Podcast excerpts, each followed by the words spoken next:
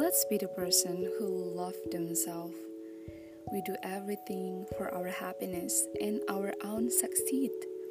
We do focus on ourselves, not someone else. We create our own goals without copying. We compare ourselves only on the present of us with our past to learn and to be better. We never compare ourselves to someone else, but we do learn from them.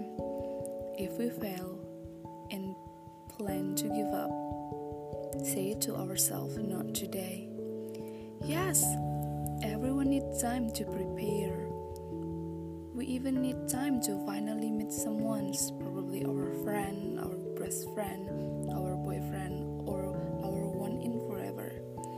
We need time to find what we want, what our passion. So take your time.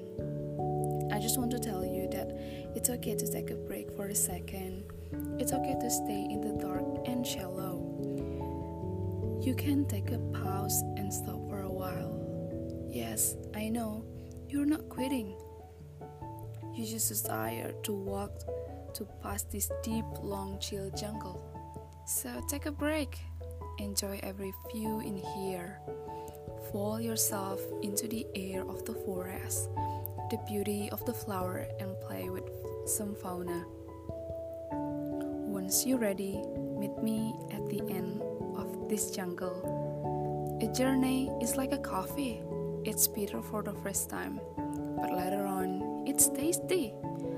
But if it is still bitter for you, you can add some sugar or milk. Smell and smile.